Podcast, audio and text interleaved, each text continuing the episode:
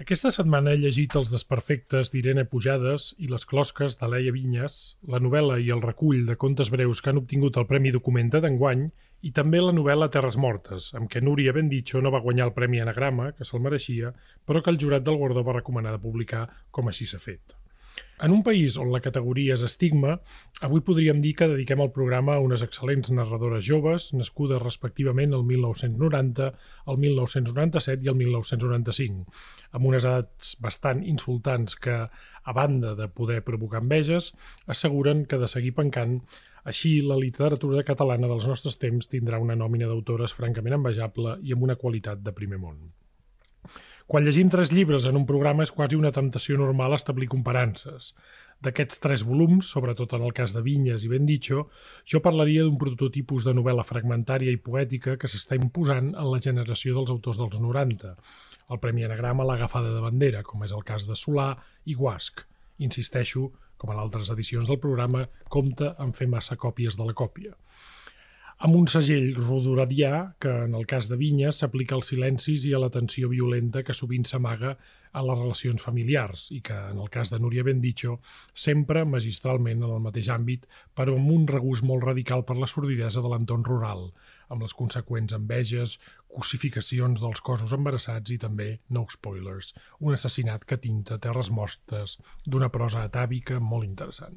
En el cas d'Irene Pujades ens trobem en una literatura ben diferent, on els relats es filen d'ocurrència il·lustrada, d'una imaginació que busca el somriure i la complicitat del lector per filar una prosa amable que no és gens banal. Marca d'una generació que, com ens indica al final del seu bonic llibre, ja té assumida una entrada a la Viquipèdia sense gaire pena ni glòria. Aquests són, en definitiva, tres llibres d'una generació que ja ha assumit una certa derrota en parsimònia. En parlarem. La lectura d'aquests tres llibres, doncs, és reconfortant i inquietant a la vegada esperançadora perquè, cal dir-ho sense embuts, els nostres escriptors i les nostres escriptores escriuen molt bé, i això és el més important, molt millor que els autors del passat del segle XX català en les seves respectives joventuts. Però també és perillosa en el sentit que sovint les autores es recolzen d'una forma massa evident en les formes que han après a la facultat i renuncien a la raó d'ésser de la novel·la, que és un quelcom tan senzill com explicar una història i que sigui creïble. I ja callo abans que algú digui «Ok, boomer». Aquesta setmana he llegit l'obra de Pujades, Vinyes i Bendicho, però no ho he fet sol. Amb mi ho han fet la crítica Marina Porres i l'escriptor Jaume C. Pons a l'Horda. Soc en Bernat de Déu i sou a l'illa de Mayans, el podcast Dona Llibres. This is my island in the sun Where my people have toiled since time begun I may sail on many a sea her shores will always be home to me. Oh, island in the sun, built to me by my father's hand. All my days I will sing in praise of your forest waters, your shining sun.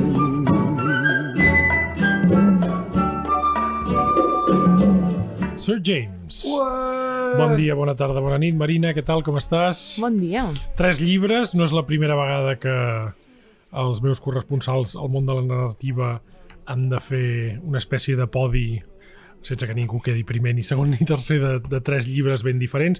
Dos llibres que han quedat emparentats potser involuntàriament perquè han guanyat ex equo el Premi Documenta, que ha publicat l'altre editorial, però tres llibres en els quals podem buscar concubitàncies però que també hi ha, hi ha diferències. Per anar per ordre, començarem amb Les closques, la, la novel·la de Laia Vinyes, com deia, una, una novel·la, Jaume, que en certa manera no sé si copia o trasllada una manera d'escriure a la qual ja ens estem habituant i que ja no és sorpresa i que ve segurament del triomf de la Irene Solà, que passa també pel Pol Guasc i que deriva, eh, o pot derivar en una pauta que es faci d'alguna manera irreflexiva. No sé si és el cas, no sé si t'ha semblat. Uh, jo crec que és un gest interessant el fet que el jurat del Premi Documenta decidís donar un premi ex aequo, és la -huh. segona vegada en la història que se fa. fa no, pas, no passa moltes vegades. No passa Tampoc moltes es faci vegades. desert, que és una Uh, cosa que s'hauria de fer de tant en tant, eh? Se va fer l'any anterior. l'any passat el documenta va Sí, sí. quedar... Això, això prestigia un jurat, cal Sí, dir-ho abans que res, el eh? Premi Documenta està especialitzat precisament en no tenir cap por en declarar deserts i jo sé que hi ha hagut vegades que s'hi han presentat novel·les molt bones amb aquests premis deserts, però això ja seria tot un altre tema i tota una altra discussió.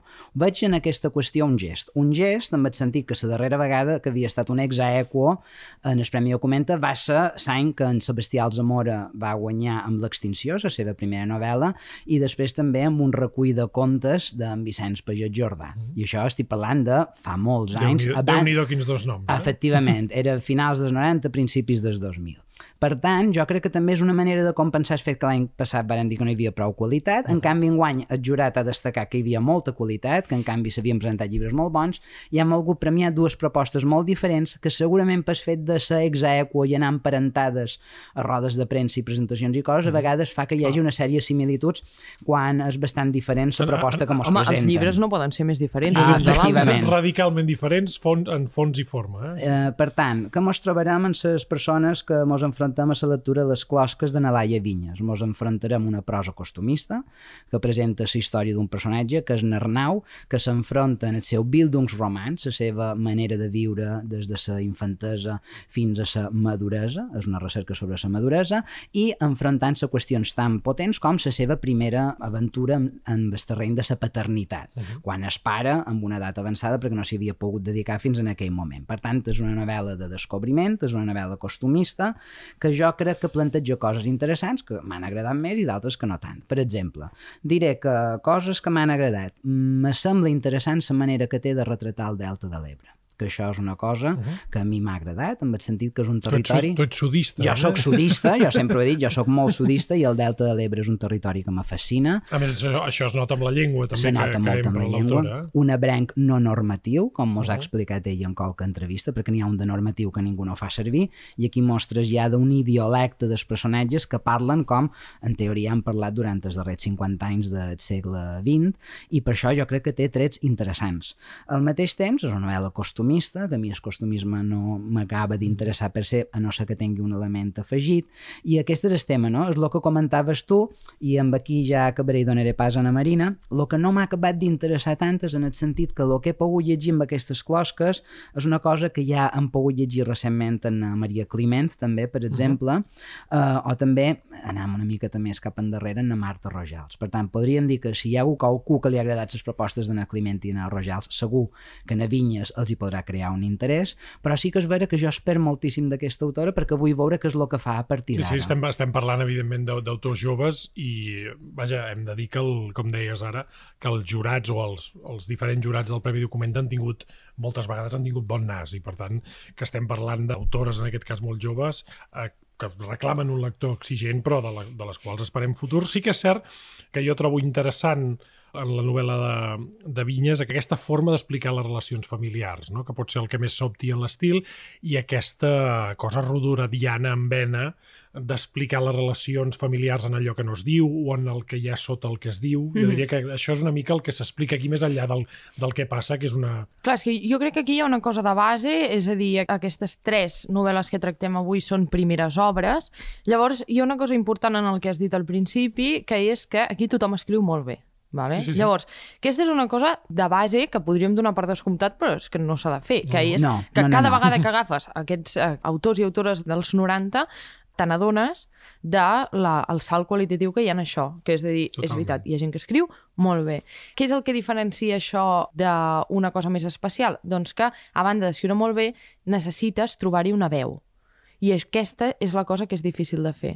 Jo crec que aquí, la novel·la, sobretot de la Laia Vinyes i també de la Núria Bendicho, són uh, dues novel·les on jo veig que aquestes autores estan intentant trobar la veu. Mhm. I com que és una primera novel·la, és una cosa que és molt normal que passi.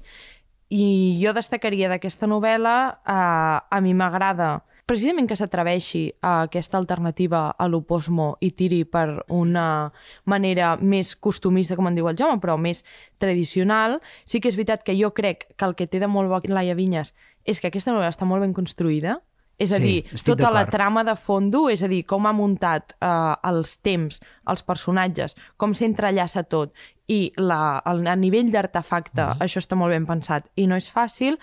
Uh, què trobem aquí? Hi ha una cosa, no sé, el, em sembla que era l'Artur eh, García Fuster, que ho va escriure a, a la lectora, sí que és veritat que costa molt el rodoradisme d'aquesta novel·la. Sí, sí, el És a dir, rodoradisme és, és, és, és que arreu, eh, realment. de la primera pàgina i ell ho, es- ho explicava bastant bé, que deia que, clar, diu, és que la narració diu, es converteix en un conjunt de metàfores, de símbols i de sentiments Sí. reprimits. Llavors, clar, tu notes una prosa pujadíssima i el que passa amb aquesta novel·la és que aquest tot han pujat d'imatges s'arrossega tota la novel·la. Sí. Llavors, això, clar, és molt difícil que no acabis pensant hòstia, és que t'has de desprendre del llaç aquest Sí, rodoradià. sí, jo, jo diria que això que expliqueu és interessant i que és categòric amb molts escriptors de, de la generació dels 90, pels quals jo he de dir que sento, i per això els portem al programa, eh, perquè jo, a diferència de molts, eh, molts que pensen que el passat sempre fou millor, sempre tinc moltes esperances en el futur. Això, eh, en Jaume i jo, que som, som d'escola del Francesc Garriga, sempre ens agrada mirallar-nos en els joves i jo, mm, vaja, sento poca enveja dels joves, tinc ganes de que els hi vagi bé i que triomfin i per això en parlem. Però sí que és cert que jo, a vegades, llegint eh, els autors dels 90, penso que són autors realment que dominen molt bé l'estructura i el llenguatge, és a dir, cap llibre d'aquests que comentem se't cauen de les mans, però sí que és cert que a vegades la perfecció pot resultar molt avorrida. Mm, Jo, per exemple, en aquest, dels tres llibres, aquest potser és un llibre que m'he avorrit, perquè al final la simbologia, sense un teixit narratiu, pot resultar molt tensa, però al Bueno, final jo hi veig aquesta- el que fa és amagar la veu. Clar, jo hi veig aquesta resulta cosa d'estar buscant, buscant, buscant. Llavors hi ha coses que sí que et venen com a flaixos. És a dir, jo me'n recordo molt llegint la Irene Solà quan va guanyar el documenta amb els amb els dics. dics. Amb els dics, que va ser la primera. Sí, perquè llegeix i dius, hòstia, és que quina veu. No, no, i, tia. i, i, està, I aquí... i, està millor que... I està molt bé que, els, a més a més, els, que, els, que els autors, i això penso que també és una, una norma de la generació dels 90, que els autors copin sense miraments. Això és fantàstic, i a més a més que copin les rodredes. És a dir, si hem de copiar alguna cosa, copiem les coses que estan bé. Però jo crec que és una generació que guanyarà molt quan desaprengui. I no és una frase feta. És a dir, quan... mm, que, Escolta, vaja, hi ha... que d'altra banda, escriure és això. O sigui, el problema és Sí, que sí. això només es fa escrivint. Llavors, Exacte. és que només hi ha la possibilitat Sí, sí, sí, sí. d'aconseguir aquesta veu escrivint i escrivint i Però vull reescrivint. dir en el sentit de que ja sabem que heu llegit Boris Vian, ja sabem Sí, que, sí, que, sí, que, sí. que us sabeu eh, tota la Sí, teoria crítica, eh, fantàstic. Però al final, escolta, això de la novel·la és terrible, sempre és explicar històries. És una cosa tan senzilla com això i tan difícil, eh? Ferreter deia que el problema de les novel·les és que s'han d'acabar. Clar, Exacte. eh? s'han Eh, d'acabar. en el cas de Navinyes hi ha escenes que a mi m'han agradat molt, per exemple, les escenes de la cega, de l'arròs, de tota aquesta Mm. cosa allà sudista que, que a mi me genera tot aquest interès, me fa veure que crec que hi ha molt de talent aquí. és que gran creadora d'imatges, eh? gran creadora d'imatges. Fins i tot la simbologia, hi ha hagut símbols que m'han agradat moltíssim per lo que tenen de- d'un cliché evadit. Vull dir que sembla que podria caure pre precisament amb l'otopi, però no, aconsegueix en la gran majoria de casos escapar d'això. I jo crec que, evidentment, ha de continuar escrivint i tindré hi posat en el que mos vagi produint a Vinyes perquè realment m'ha atret molt. M'ha atret molt aquesta capacitat, m'ha atret molt aquesta escriptura, escriu molt bé. És un llibre que se llegeix ràpid, això també és una cosa que la gent dirà, ah, tinc ganes de llegir aquesta tipologia de paisatge, de costumisme, rodoradisme, vull dir, jo ho veig amb el bon sentit de la paraula, la nostra capra és molt de semestre, i la seguiré, la seguiré perquè crec que mos pot produir grans llibres en el futur. Oh, my love, my darling, I've hungered for your. Aquesta setmana vos vull recomanar el llibre de contes El pèndol d'Anna Gatserra, que va mereixer el Premi Mercè Rodoreda de Contes i que ja ha arribat una tercera exitosa edició eh, gràcies a l'editorial Proa. Per què vos recomano aquests contes? Primer perquè estan molt ben escrits, són inquietants, enganxen de conya i a més a més formen part d'aquesta cosmogonia d'autores i narradores que hem anat comentant avui, com són ben ditxo, pujades i vinyes. Però no vos deixeu emportar per reduccionismes. Nana Gas també brilla amb veu pròpia. Si fins ara havia destacat com a poeta, amb llibres superinteressants com Crossa d'aigua i Llengua d'àntrax, aquí mos demostra el seu talent com a una explicadora d'històries tèrboles amb ambientacions macabres, també amb personatges complexos i uns conflictes molt tèrbols. El pèndol d'Anagat Serra a Pro és un gran llibre de contes que no se llegeix, se devora, i evidentment trobareu aquesta obra a la llibreria Ona Llibres.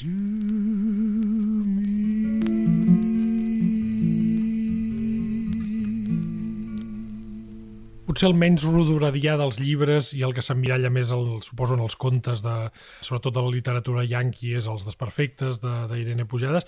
Jo diria que la gràcia d'aquest llibre és segurament que, a diferència de molts dels llibres d'aquesta generació que hem comentat, és un llibre que no té tantes pretensions i potser, i ho, i ho dic en el bon sentit de la paraula, i potser per no tenir tantes pretensions, per ser un llibre molt més clar, que busca un lector més confortable, un, fins i tot jo diria que és un llibre de picada d'ullet, però una picada d'ullet que vol fer pensar, és a dir, parla dels, dels tòpics d'una generació, és un, és un llibre que penso que, que sota una forma molt amable està parlant de coses molt serioses. I que, a més a més, és un món totalment seu. És a dir, a mi el que m'ha agradat molt de, del llibre d'Irene Pujades és que hi ha un univers que és molt molt personal, és a dir, que són referents construïts d'aquesta... O sigui, que veus que la Irene ha llegit tot de coses, allò que dius, no? de dir, veig que heu llegit tal, tal i tal. Però amb això ho ha agafat i ho ha fet a la seva manera. Jo crec que hi ha un, un imaginari que és bastant potent que en aquest llibre i en aquests contes i crec que bàsicament ella ha creat un seguit de personatges més o menys grotescos, més o menys estranys, mm. incòmodes, amb una imaginació raríssima i jo crec que li funciona li funciona mm. molt. A mi m'han... O sigui, i és veritat que se la pot acusar allò de que massa experiment formal en alguns casos, mm. que hi han contes que realment la, la forma Uh, sí, pesa tant que es veu que és sí. molt un, un exercici d'estil. Però a mi, tot l'univers que desplega, o sigui, per exemple, l'antítesis, no? la mort, com recorre tots els contes amb l'antítesi, amb aquest accés de menjar i de festa, el tema de les llegendes, que també hi ha moltes llegendes, uh mhm. -huh. la cosa del trencament generacional, uh mhm. -huh. aquesta cosa que deies tu de, de lectura així, que podria semblar com una cosa fàcil, no?, de dir sí, sí. contra els boomers, no?, una cosa cutre així, i no ho és. Fins és i tot hi ha un ha... conte, m'ha agradat molt el conte dels marcians, en el qual s'especula sobre la trobada de dues persones que uns, man, uns marcians van, van sí, intentant ordir. Els homes verds. I em sembla que sota una aparent broma frívola sobre una... Jo, jo abans parlava de literatura d'ocurrència, no, no, no en un sentit pejoratiu, mm -hmm. perquè realment sempre hi ha una espurna no? en, en el creador, de, de, de, que, que és el moment de l'ocurrència. Fila un conte, en aquest cas, a dos marcians que intenten ordir una trobada entre una possible parella que bé, que et fa replantejar coses sobre l'atzar, sobre la fisicitat de les trobades casuals, que està molt ben explicat, perquè realment sí que és cert que totes les imatges que fila te les arribes a visualitzar molt bé, és a dir, és un, la cinematografia de la prosa de la, de la Irene Pujades està molt ben trobada, sempre, sempre mm -hmm. et fa imaginar, és a dir, compres molt les seves imatges, i això no és fàcil. Eh? No ho gens. I, I sobretot amb relats tan curts. Sí, és un llibre que m'ha agradat molt, m'ha sorprès molt gratament i crec que m'hi sent molt identificat amb aquesta proposta ètica i estètica que mos dona dona amb uns contes molt despullats. Els desperfectes són contes molt breus, cadascun escrit des d'una tipologia de conte diferent, des de l'entrevista fins a la recepta, passant per la sàtira, l'obra mm. fins i tot teatral, i n'hi ha uns quants que són molt bons, com per exemple l'últim sopar, en què se reuneixen tota una sèrie de personatges i mengen com a porcs i com a porques mm. eh, al voltant d'un llit d'un moribund. Ni s'ha mort sí. i ja estan allà, ah, te'n recordes d'aquell dia, no? És una escriptura molt despullada amb el sentit que va cap en els mecanismes elementals de l'escriptura de cada conte i els mostra d'una manera en què veus l'artefacte allà darrere però veus també la manipulació d'aquell artefacte. Amb això m'ha recordat molts procediments textualistes d'en Donald Bartelme que segurament se varen portar aquí a Catalunya per un dels seus màxims deixebles, encara que no ho hagi dit mai, però se nota que ha llegit Bartelme i això en Borja Bagunyà mos ho podria explicar molt millor que és en Quim Monzó. Mm -hmm. En aquest sentit són contes que... Sí, que són contes kafkians... Efectivament. I, i abans abans en Bernat també eh, havia fet per, per xarxes, havies explicat que és un punt d'empar Moliner. Sí. Jo veig aquesta generació, Monzó, Pàmies, sí. Moliner, que se varen preocupar per enfrontar-se en els contes i donar un nou vestit i fer-ho d'una manera poderosa. Jo crec que en sí. Pujada se veure d'aquesta tradició i mos ofereix el que jo crec que és una novel·la fragmentada. És vera que se llegeix com un recull de contes, però hi ha personatges que van reapareixent, com és, el que tu anaves dient d'aquests homenets verds que són en Miquel Exacte. i Natània, que van fent de set seves de tant en cantant, o en Pau Polós, que també és un personatge Sí. que va sortint sí. de compte en compte. Per tant, aquí hi ha un món, i a Sí. m'agrada molt veure aquesta Sí. cosmogonia i com va pouant d'una banda a l'altra. I- I això és una cosa que de pujades m'agradaria molt elogiar. La combinació d'eros i tànatos, molt de menjar i molta de mort, però també aquesta capacitat per tenir un imaginari coherent i orgànic. Eh, I, I a més a més, ara que cites allò que jo vaig descriure com l'emparmolinarisme, que també podríem parlar de Quim Monzó i de Batelme, sí que és cert que una marca generacional, així com els contes, per exemple, els primers contes de l'Empar Moliner, que a mi em semblaven molt interessants, per dir-ho així, són contes també via Dorothy Parker que, que exploren la decadència i la, el surrealisme del món capitalista en les seves curiositats. L'exemple d'això són els articles que el Monzó ha fet a l'avantguàrdia. Caldria elaborar, fer una crítica de l'obra monzoniana i algun dia portaríem el, també en Borja Bagunyà, que ho ha fet molt més bé que jo, però sí que hi havia una, un enlluernament per les, els deliris propis del capitalisme, els, excessos, els excessos, però sí que és cert que aquí ja hi ha jo crec que aquesta és una generació que ha entès la decadència i la decepció del seu present d'una manera molt natural. A mi m'ha agradat molt l'últim conte en el qual... Eh, Els vàndals. Sí, no, És- en el qual, eh, no sé si és el, el conte que la- l'autora es fa una ressenya ella Ah, mateixa. no, sí, Sí, sí. aquest conte Eh? és molt interessant. Eh? És, és un conte... Es fa un eh, repàs autobiogràfic Exacte, de, dels seus llibres. Retrospectiva es diu, és un conte que comença així, diu Internautes i passavolants, benvinguts al meu blog i a la ja icònica secció mensual dedicada a repassar l'obra i la crítica de l'obra de Veus de Casa Nostra. Sense més dilacions, comencem. I és una espècie de repàs wikipèdic del que podria ser el futur de la mateixa obra. Sí que De la- l'autora d'una d'una obra que ella mateixa repassa amb una mica de parsimònia, en el sentit de, de que ja anticipa les veus de la crítica, ja anticipa quina obra serà menor i major. És a dir, jo crec que hi ha, hi ha una generació que entén molt bé que, que la posteritat és una cosa, diguéssim, prescindible, per dir-ho així. Ja, però em fa gràcia que ho diguis, perquè no sé fins a quin punt és volgut. És a dir, això que has dit abans, de que han assumit com la derrota i tal, vull dir, en aquesta cosa de, de o sigui, que jo veig molt clar, no, de dir tot està absolutament desfet. Tot és espantós, sí. No sé si, si aquestes autors, per exemple, en són conscients d'això, eh? Es, es, escrivir, no, ni que ho tinguin present. Jo, de fet, crec que hi han coses a, a Mirena Pujades que, que, que no sé fins a quin punt se n'adona, però, per exemple, els vàndals, clar, és un conte tan bo de dir els morts són uns nois, uh -huh. uns, uns joves, que se'n van de festa al cementiri en Sí, una sí. metàfora magnífica de que realment... Fan una espècie es- de rave en un, un, en, en un però perquè cementiri, sí. és la idea aquesta de els morts estan més vius que els vius del seu voltant. Exacte. Llavors és aquesta cosa mig de crítica generacional, però que no sé fins a quin punt és volguda o no. No. I també hi ha un altre conte que és un conte sobre unes senyores que estan en un grup de teràpia Sí. i Sí. que llavors veuen allà, diguéssim, com d'una manera uh, absolutament uh, grotesca i és com un lloc on es Sí, que va deixen... dient, porta'm, posa'm en un altre. Sí. Porti'm, Porti- Sem- sembla el gelida. Porti'm, Sí. eh? Porti porti'm coses. coses. Però clar, que és com molt desesperat. Eh, La, la Irene explica que aquest conte ve d'un assaig de la Natàlia Ginsburg, que és com, o sigui, que ella diu que totes les dones no tenen aquesta temptació d'abandonar-se i, per tant, aquest conte, diguéssim, que és contra la tentació d'abandonar-se del tot, no? que t'has de frenar. Llavors, aquesta és una idea en realitat forta, vull dir que hi ha un, Sí, sí, un buit darrere d'això i que ho explica com si aparentment no fos res, però sí que llegis aquest conte i penses, hòstia, si, ho- si ho diu, això pot, aquesta lectura pot anar molt a fondo. Sí, de fet, jo crec que Els vàndals és un conte canònic que s'estudiarà en el futur perquè mos parla del present, ja sigui conscientment o inconscientment. Ella diu que el va reescriure moltes vegades en aquest conte.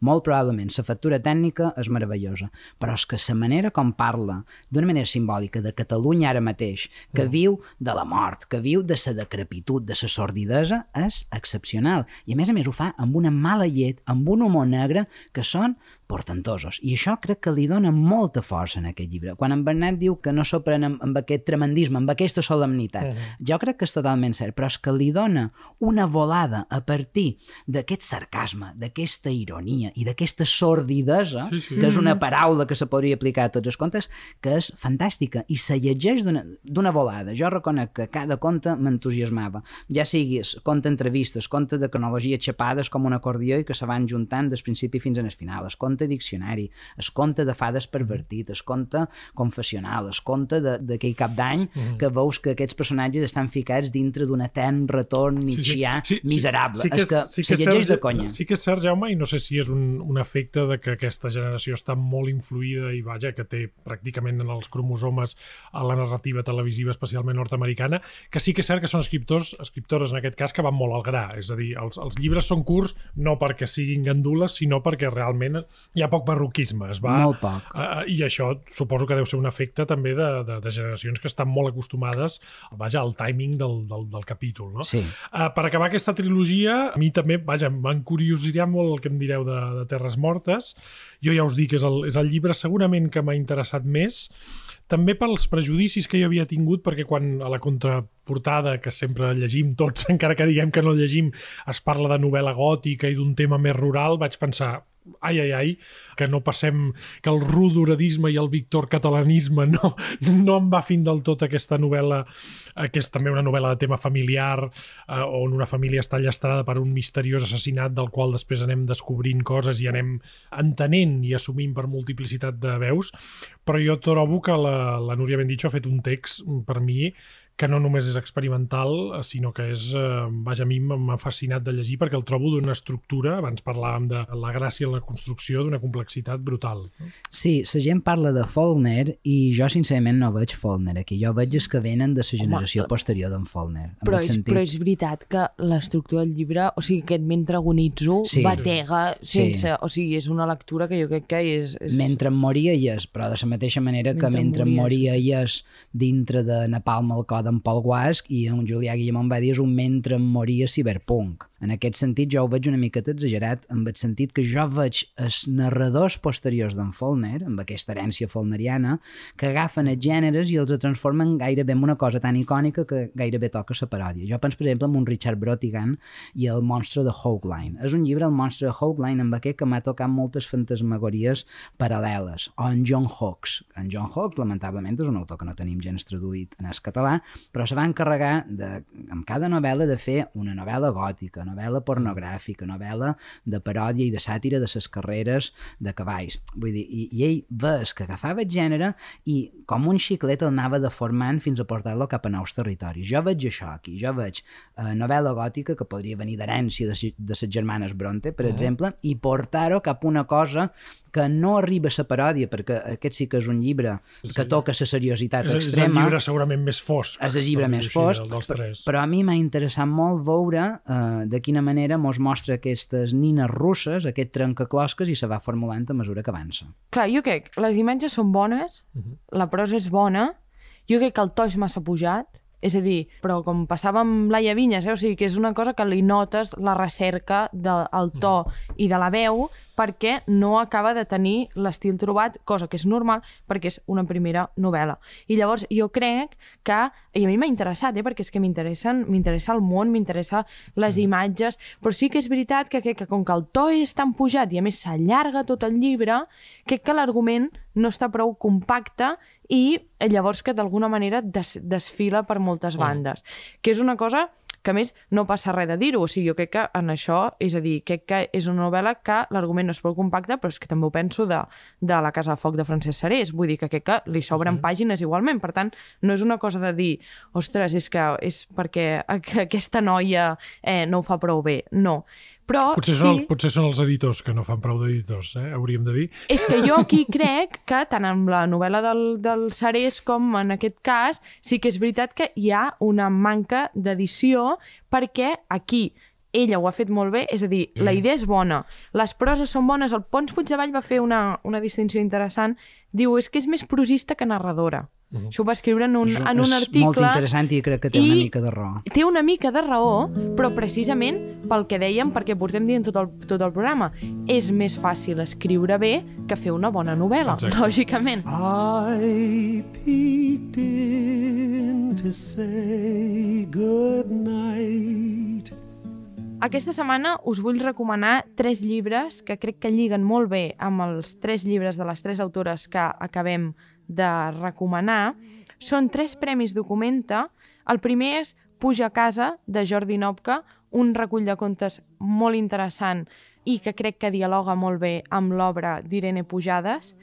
M'interessa molt relacionar els Dics, la primera novel·la d'Irene Solà, també Premi Documenta, amb aquestes terres mortes, el rerefons rural, aquesta veu també que es busca però fragmentària i aquestes històries sòrdides crec que casen molt bé i, en tercer lloc, La mort lenta de Xavier Mas Cravioto, que és un llibre sobre una història de dos germans que dialoga molt amb aquests nens que dibuixa molt bé la Laia Vinyes a la seva novel·la i crec que les dues formen part d'un imaginari que té moltes connexions. For her